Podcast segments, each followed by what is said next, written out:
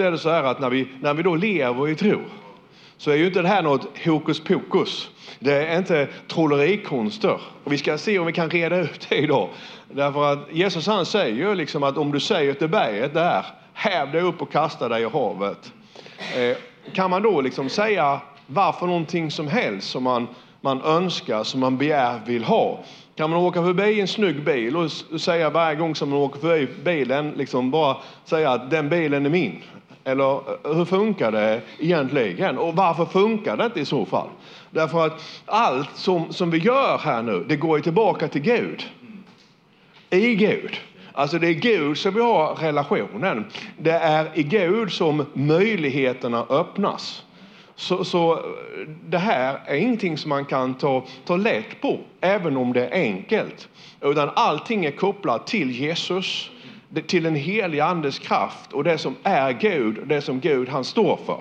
Och jag tror att innan vi är klara här idag så ska vi ha rätt ut det här. Tror du det också? Vi är ganska många som, som lyssnar då även på podden och så. så kan vi inte säga från folkkyrkan välkomna, kan vi inte säga välkomna? välkomna. Ja, nu känner de liksom att de är en del av gudstjänsten här också. Och det, det, det som, är, det som uppenbarades sist då, det är just det här att Jesus han säger oss sanningen. Han säger inte att det här är sant ibland, utan han säger det här som jag säger nu, det är sanningen. Om någon säger till berget där, häv dig upp och inte tvivla i sitt hjärta, då ska det ske. Alltså därför allt vad du ber om och begär, tro att du får det så ska det vara ditt. Jag säger, det här är sant. Och då måste vi komma in i den sanningen. Och sen samtidigt såg vi att Paulus han fortsätter ju undervisa om att, att om du tror med ditt hjärta och säger det med din mun. Alltså, om du tror med ditt hjärta och säger det med din mun att Jesus är Guds son, då ska du vara frälst. Och tron landar alltså först i hjärtat. Och det gäller ju inte bara frälsningen. Alltså först har du det i ditt hjärta. Det är därför som Jesus han säger om du inte tvivlar i ditt hjärta, först landar det i hjärtat. Och det kan ligga i hjärtat, men det händer ingenting så länge som du inte säger det. Så därför kan, kan människor kan komma liksom i närheten av Jesus. Man kan höra budskapet om Jesus och tron kan börja växa till i hjärtat. Men du har också alltid det fria valet att säga jag tar emot. Jag tror att Jesus är Guds son. Men det här är ju samma princip för allting. Alltså så, så när det gäller då tron för att bli helad så landar det i ditt hjärta. Men det är först när du öppnar munnen och talar ut vad du tror på som miraklet det kan ske. Alltså, är du med mig? Så, så, men däremot så om du inte har det i ditt hjärta så blir det bara ord. Det är liksom ingen hokus pokus formel detta här, utan först landar det i hjärtat. Och när tron då finns i hjärtat och när du talar ut det, då så sker det. Därför att när Jesus han säger så här då, jag ska göra deras vishet om inte, jag ska göra de visas vishet om intet. Och det är så smart det här. Jag har inte sett det här innan. Hur gör Gud de visas vishet om intet? Jo, det gör han genom enkelheten i evangelium. Alltså evangelium om Jesus. Den här tron då som kastar berget i sjön, den är så enkel så att de som är visa och supersmarta, de kan inte fatta det. Kom igen nu, är, är du här idag? Alltså, så, så, det, det, är så enkelt. Alltså Jesu undervisning är så enkel så folk i alla kulturer alltid har kunnat förstå det. Det är därför som, som Jesus säger att ni måste bli som barn. Därför barn har liksom inte den här prestigen i att det ska vara invecklat så här, utan det är så enkelt det Jesus säger. Och därför så kan vi som har varit med liksom i kyrkan väldigt länge, vi tycker liksom att vi kan dessa här bibelversen. Ja, det kan du, du kan dem i huvudet. Därför att de är så enkla att förstå. Men vägen från att vi kan det i huvudet till att ramlat ner i hjärtat och blir hjärtats tro, den kan vara väldigt, väldigt lång. Därför att det är så enkelt så vi liksom, åh, vi tycker vi kan det alla redan, men det måste ner i hjärtat. Så är det. Mm. Och det är ju bra, eller hur? Ja. Där fanns en kvinna, står det här, va? som hade haft blödningar i 12 år. Hon hade fått lida mycket hos många läkare och lagt ut allt hon hade och ägde. Men inget hade hjälpt, hon blev bara sämre. Hon hade hört talas om Jesus. Kan du säga hon hade hört? Ja. Och när hon kommer bakifrån i folkmassan och rörde vid hans mantel, för hon tänkte och sa det, om jag så bara får röra vid hans kläder så blir jag frisk. Och här har du liksom på något sätt hela den undervisning som vi talat om. Hur får man tro? Jo, tron kommer av predikan och predikan i kraft av Kristi ord. Så hon hade ju hört och det hon hade hört det låg på något sätt och verkade och växte och bearbetade hennes hjärta. Mm. Och sen till sist då så får hon tro i sitt hjärta. Och, och det är ju är ju så enkelt ibland när saker och ting är svårt. Att hon kunde ju sagt alltså att ingenting har hjälpt tidigare. Varför skulle det då hjälpa om jag går till Jesus? Jag har spenderat alla pengar jag har. Alltså, jag har sökt jobb nu i sju år och jag har fortfarande inte fått något jobb. Varför skulle det då hjälpa om jag ber Jesus hjälpa mig att få ett jobb? Alltså mina unga har bråkat i skolan sedan de började, alltså lekis. Vad skulle då kunna hjälpa mina barn om jag ber till Gud att han ska hjälpa både skolan och mina unga att beta ut så det blir ordning på dem? Alltså jag, jag har druckit nu i 14 år, eh, liksom ingenting har hjälpt. Jag har varit på den ena behandlingen efter den andra. Vad är det som säger att Jesus skulle hjälpa mig? Alltså hon var ju i en hopplös situation och många människor är ju i en hopplös situation. Och då kan vi inte komma med till dessa människorna med, på något sätt med teologi eller det som är invecklat, för det är inte det som hjälper, utan det är den enkla undervisningen om Jesus. Så att i den här hopplösa situationen, och vi, även om du känner att du är i en hopplös situation idag, så kan du inte sluta hoppas. Och du får inte tänka att det är fel på mig och det ena med det tredje. Nej, men Jesus han kommer ju i alla dessa här situationerna. Och så hade hon då hört talas om Jesus. Och det är med så då att, att vad, är, vad predikar vi egentligen? Vad är det vi predikar från predikostolen? För hon hade hört talas om Jesus. Vi måste ju berätta om Jesus på ett sådant sätt så att hoppet föds i den hopplösas hjärta. Mm. Alltså, allt är möjligt för den som tror. Hon hade ju hört att det här, så det här, det här växer ju till i hennes hjärta. För när man hade den sjukdomen som hon hade med, då var man skild från alla. Och jag kan inte predika ut hela liksom, hennes berättelse nu, men hon var i en svår situation. Hon var isolerad, hon fick inte träffa sina barn, hon fick inte träffa sin man därför att hon var, var oren. Och ändå så är det någonting som när hon är totalt utstött, du vet när man går hemma i lägenheten så känner det som att hela världen är emot en. Alltså vi människor kan ibland känna oss, liksom, det, det skammen och skulden och, och, så tycker man att, att ingen... Och det, det, det, det är ju sant när man känner det här, men det behöver inte vara sant i verkligheten. Men, men känslan är ju där. Va? Det, det kan, alla människor kan känna ett mått av utanförskap. Alltså jag har varit pastor i den här församlingen i 26 år och ibland så kan till och med jag känna mig utanför. Men det är ju inte sant. Jag är ju så innanför jag kan vara liksom. Eh, eller hur? Man får ju tvätta bort mig ur tyget på något sätt. Va? Men ändå så kan man, kan man uppleva det på, den här, på det här sättet. Och det är klart, den här kvinnan, hon hade, men ändå så när hon känner den här liksom separationen, förkastelsen, orenheten, så är det någonting som hon har hört om Jesus. det är det som är så bra, va? som gör att hon börjar tänka. För hon har hört, så börjar hon tänka. Hon börjar tänka först. va? Och tankarna om Jesus bearbetar hennes hjärta och till slut så säger hon det. Hon säger det högt. Eller hur? Om Jesus han säger, om du talar till berget där och säger häv dig upp och kasta dig, inte tvivla. Hon tvivlar inte i sitt hjärta. Hon, hon plötsligt bara bubblar tron ut ur hennes mun och säger om jag får röra vid hans kläder, då blir jag helad. Men tron måste finnas där först. Och det är därför som, som vi behöver umgås med Guds ord. Det fanns en man som hade varit sjuk i 38 år. Det är ju länge. Mm. Jesus såg honom och visste att han hade varit sjuk länge och frågade, vill du bli frisk? Och den sjuke svarade, oh, jag skrev inte ut allt detta, han hade alla möjliga ursäkter här då. Nej, du fattar liksom inte att jag har varit på Arbetsförmedlingen 12 gånger. Jag har varit på Arbetsförmedlingen 14 gånger och jag har sökt 375 jobb. vad är det som säger att jag skulle få jobb nu?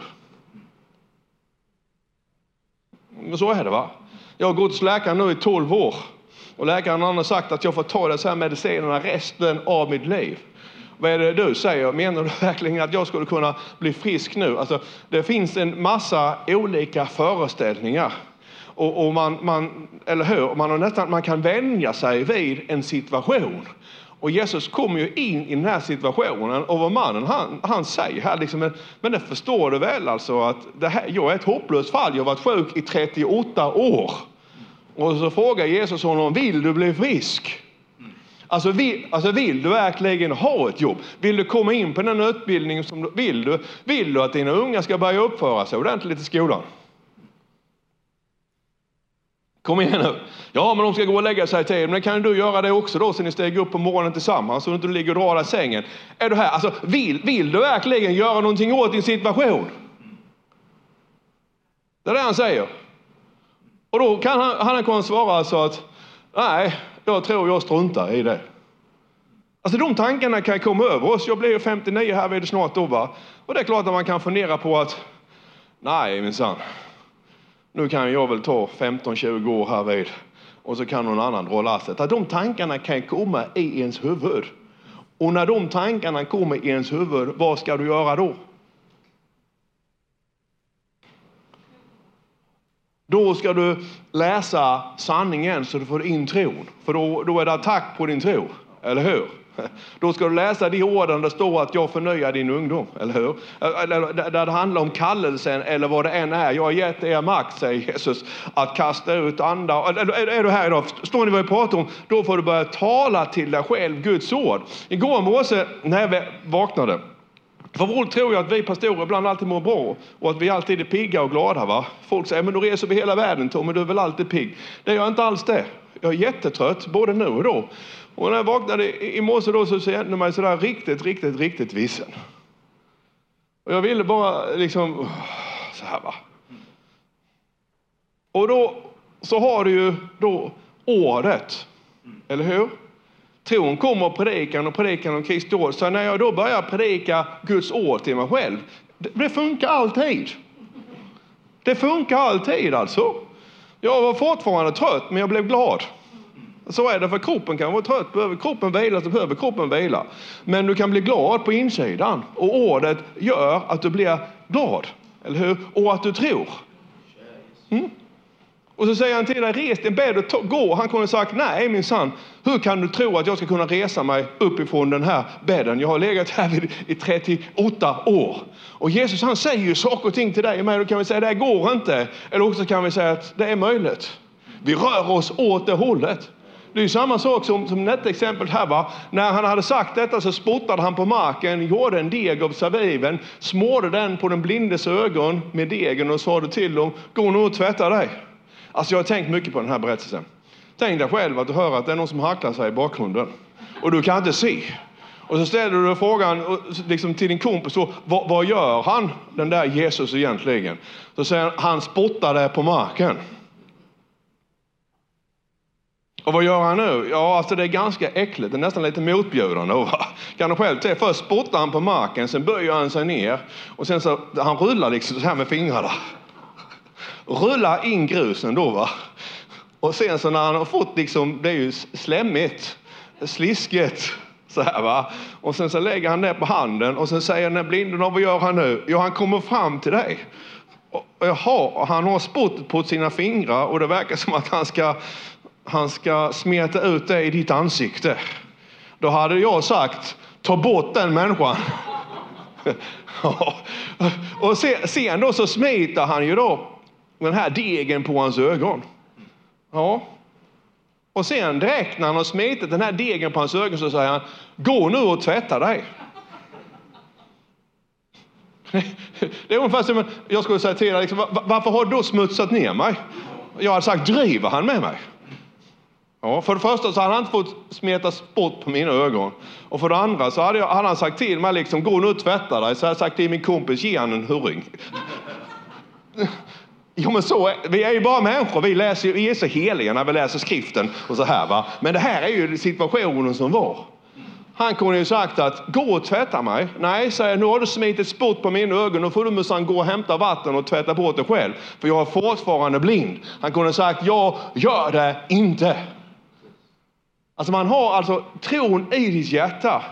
Men du har tron i ditt hjärta så har du valet att tala ut det och börja att agera på tron på insidan. Eller hur? För tro är vår metod. Kan du säga det? Tro är vår metod. Vi är på väg någonstans. Kan du säga vi är på väg någonstans? Ja. Och det här är också en väldigt känd berättelse. Det är ju när, när Israel då är befriade från Egypten och de är på väg in i löfteslandet. De är inte där än.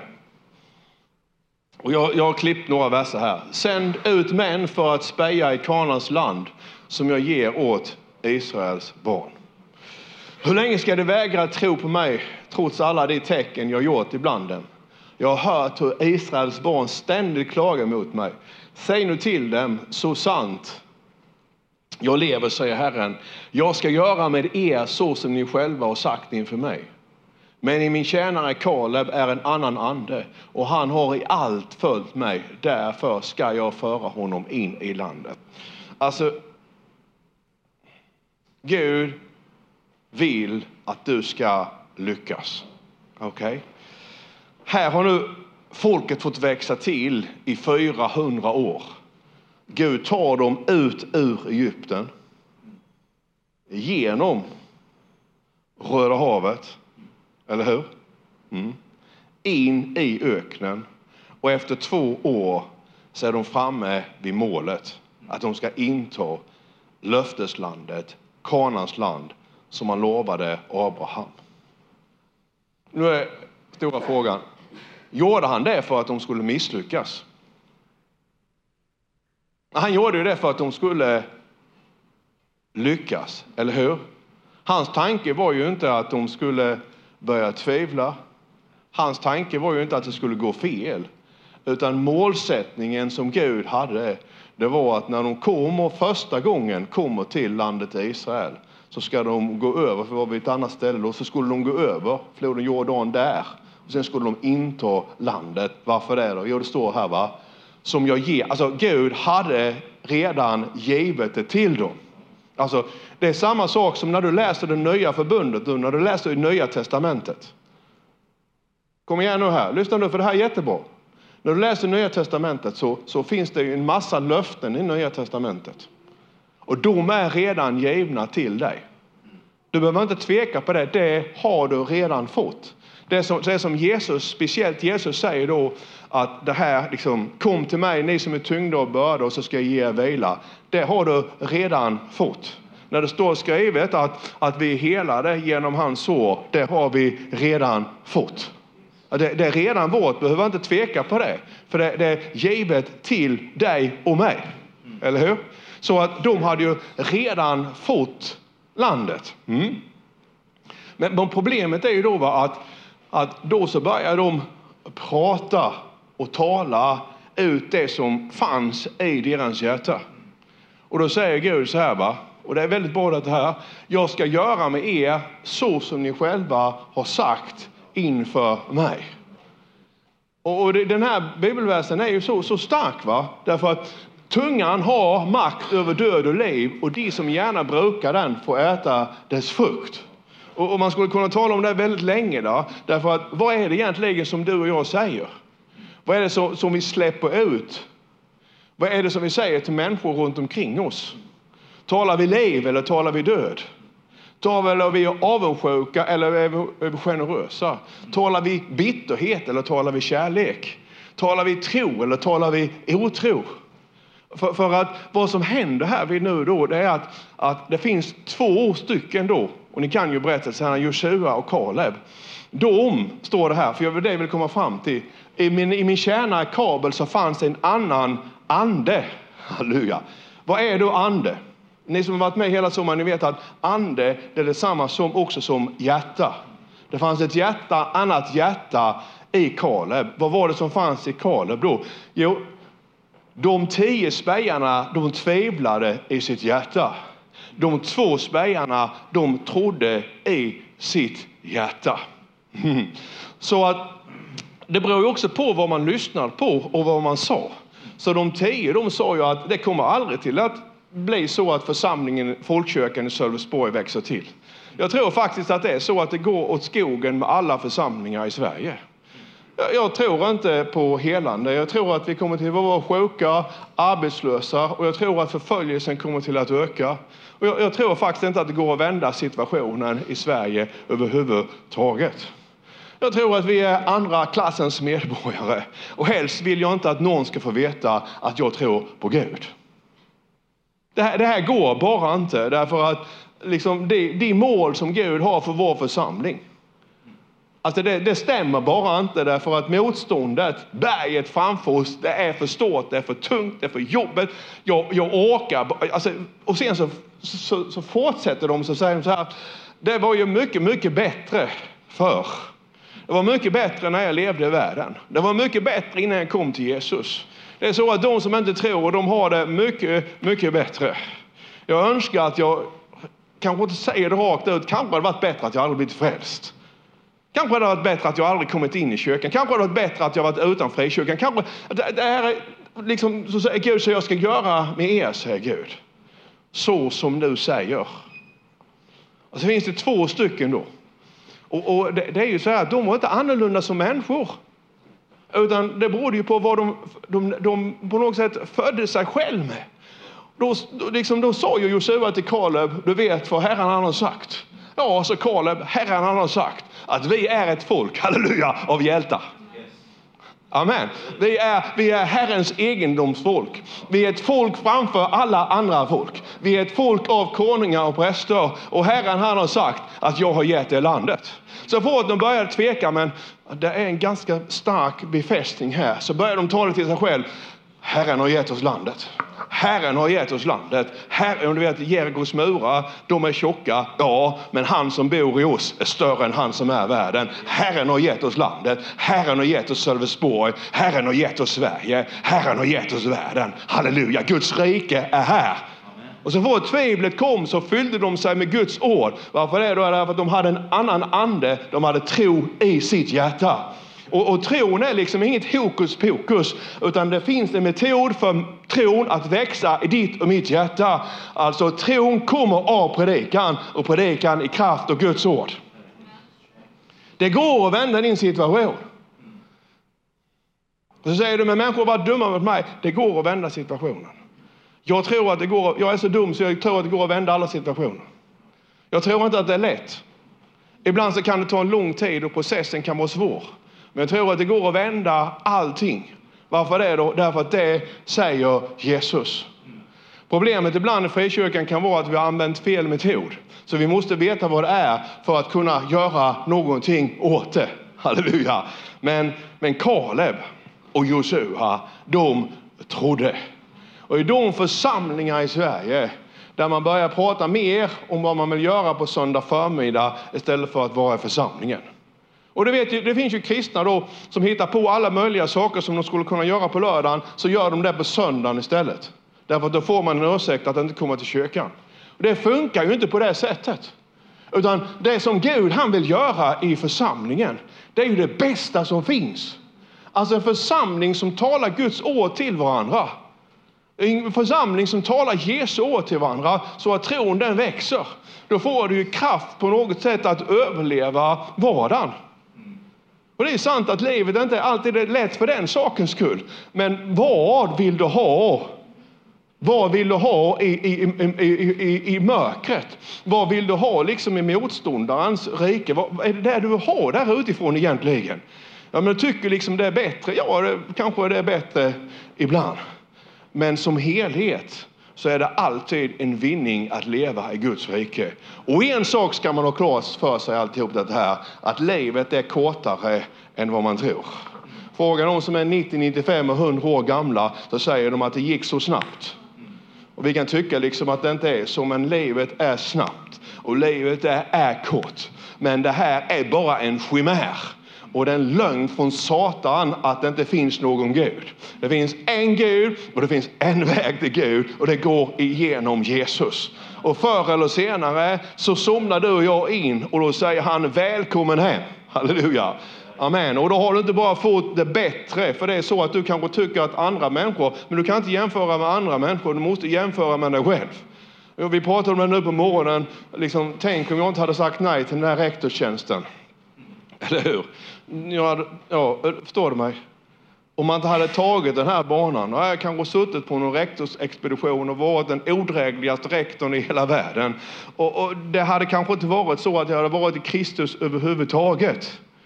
Och man kan tycka liksom ibland att det är där ute, jag, så där, ja på ytan är det mycket fenischer, eller hur? På ytan. Jag, jag tittar på vissa tjejer ibland va, på Facebook och så, så förstorar de upp fotot och så ser man att de är retuscherade både här och där. Du kan göra dig 20 år yngre, men det är ju inte verkligheten. Även om du ser 20 år yngre ut på Facebook så är du ändå inte 20 år yngre. Och även om vissa saker kan se väldigt flashiga ut så är det ändå så att Guds rike är det rike som är bäst, det är det rike som är störst, det är det rike som kommer till att vinna. Jämför med dig själv. Jag tror att jag skulle kunna fått ett hyfsat liv som, som rektor och på det sättet. Men kära någon, nu har jag ett syfte med mitt liv. Det finns ett mål, det finns en mening. Och det är många här idag som har kämpat tillsammans med mig för Guds rike. Och ibland så har vi inte varit vänner och ibland så har vi varit vänner. Och det har gått framåt. Tänk så många människor som har somnat in i tron och som är hos Jesus idag. Tänk så många barn som har hjälp som inte hade haft något hem om inte vi hade funnits. Tänk så många människor över hela världen på grund av folkkyrkan och ni har stått ut med det som vi gör som har kommit till Jesus. Amen. Det, det finns en mening med allt. Kära Gud. Tror du på detta här? Ja, vi talar Guds... Vi behöver återerövra det gamla som var. Va? Vi talar Guds ord och sedan regerar vi. vi sjunger det va. Vi talar Guds ord och sedan regerar vi. Vi talar Guds ord och sedan regerar vi. Vi talar Guds ord och sedan regerar vi. Jag har varit sjuk i sju år nu Tommy. Ja, men jag tror ändå att du kan bli hela det åttonde året. Du vet aldrig när det händer. Och då kan man fråga sig, Gud, varför händer det nu? Ja, så kan ju jag också tänka när det gäller olika saker. Du kunde ha hjälpt mig innan. Och vi får liksom inte på något sätt i alltihop det här då, vi får inte heller på något sätt, ska jag säga nu, vi kan inte förenkla eller, eller ta för lätt på människor som är sjuka och har det svårt. Men vi måste ändå tro på hoppet. Det är en balans i detta här, eller hur? Mm. Skillnaden mellan logos och rema. Jesus svarade den. Tro som Gud. Kan du säga det nu igen? Tro som Gud. Och det här kan vi läsa varje dag. Va? Vi läser det tillsammans. Jag säger er sanningen. Om någon säger till det här berget, lyft dig och kasta dig i havet och inte tvivla i sitt hjärta utan tror att det han säger ska ske, då kommer det att ske för honom. Därför säger jag er, allt vad ni ber om och begär, tro att ni har fått det så ska det bli ert. Okej, okay. då är det så att logos, allt Guds ord är logos. Så, så när, när Gud säger till Kaleb och Josua att jag har gett er landet, då är det logos, det är sant. Det var sant då. Men det innebär inte att det är ett löfte till dig. Så du kan inte ta vilket ord som helst och säga nu står jag på det här ordet. För det, det, det ordet var ett specifikt ord där och då. Annars, jag hade gärna byggt ett hus till.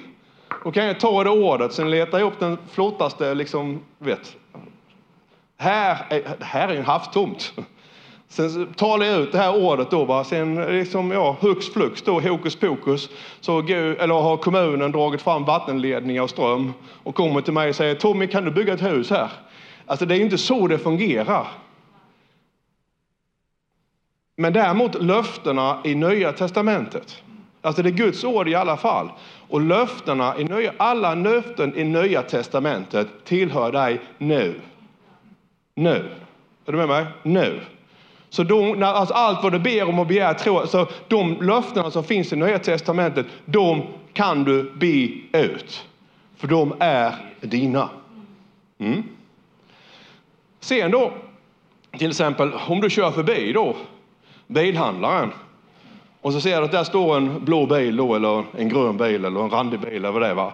Så, så, så det här är ju ingen magisk formel Om du då kör förbi den eh, bilhandlaren varje dag och säger där står min bil, där står min bil, där står min bil. Så kommer det ändå inte till att bli din bil, bara för att du säger det. Därför att först måste du få hjärtats tro. För det som är specifikt för dig. Förstår ni vad jag menar nu? Alltså det, det är det som när jag ger den här undervisningen, den är väldigt bra igen överallt om att liksom googla Gud. Du måste liksom vara i bön och i den heliga ande och så får du googla i Gud. Alltså och se, därför att om det är någonting som han har förberett, om det är ditt. För då så kommer du till att få tro i ditt hjärta kanske för den där blåa bilen. Och då när du får tro i ditt hjärta att jag kommer verkligen att kunna köpa eller få den blåa bilen. När du då kan känna det i ditt hjärta utan att du blir orolig eller tänker det är omöjligt och, och så här, va? du kan inte se att du har bilen. Då är tron beviset. Och det här får man träna sig på. Eller hur? Hebreerbrevet säger det att man, man har tränat sig på dessa här saker. Så du tränar dig så kan du öva upp ditt sinne på att skilja på vad som är gott och på vad som är ont. Va? Du, du kan träna dig på att öva upp så du känner när du har tron i ditt hjärta. För när du har tron i ditt hjärta, då är det beviset på att det är ditt. Förstår ni skillnaden lite grann här? För, för det är det som blev fel på 90-talet då. Därför då trodde vi att vi kunde liksom name it and claim it, sa vi alltså. Vi kunde liksom säga varför någonting som helst.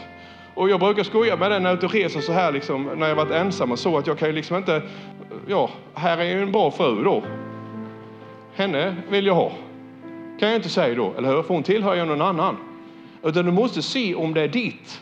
För den blå bilen kanske Gud har tänkt för någon annan. Han, han vill inte ge den till dig. Så därför så måste du leva liksom i bön. Och i den heliga ande. Och du kan fråga Gud om den blå bilen och liksom känna på det. Och får du då tro så får du tro, då kan du gå åt det hållet. Det är det jag menar alltså, man, att, att leva i tro nu, det är att man utvecklar trons hjärta. Och det kan du bara utveckla genom att du umgås tillsammans med ordet i det nya förbundet och att du umgås tillsammans med Jesus i bön. Och ju mer du ber, ju mer du är med Gud, desto känsligare blir ditt hjärta för hans tilltal och desto mer får du tro för det. Alltså jag har aldrig i mitt liv hade jag tänkt att jag skulle ta Carola till Svarta led här så hade jag ju fått fjärilar i magen och blivit jätteorolig och blivit rädd. Och går när jag kör förbi Svarta led så finns det ingen rädsla kvar. Det finns lite tro i mitt hjärta. Halleluja! Vi får se om den växer, tron, får känna på det. Amen. Allt är möjligt.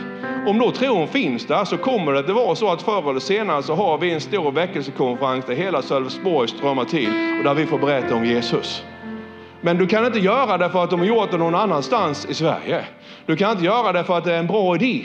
För bra idé är en sak och hjärtats tro är en annan. Så du måste vänta till du har hjärtats tro.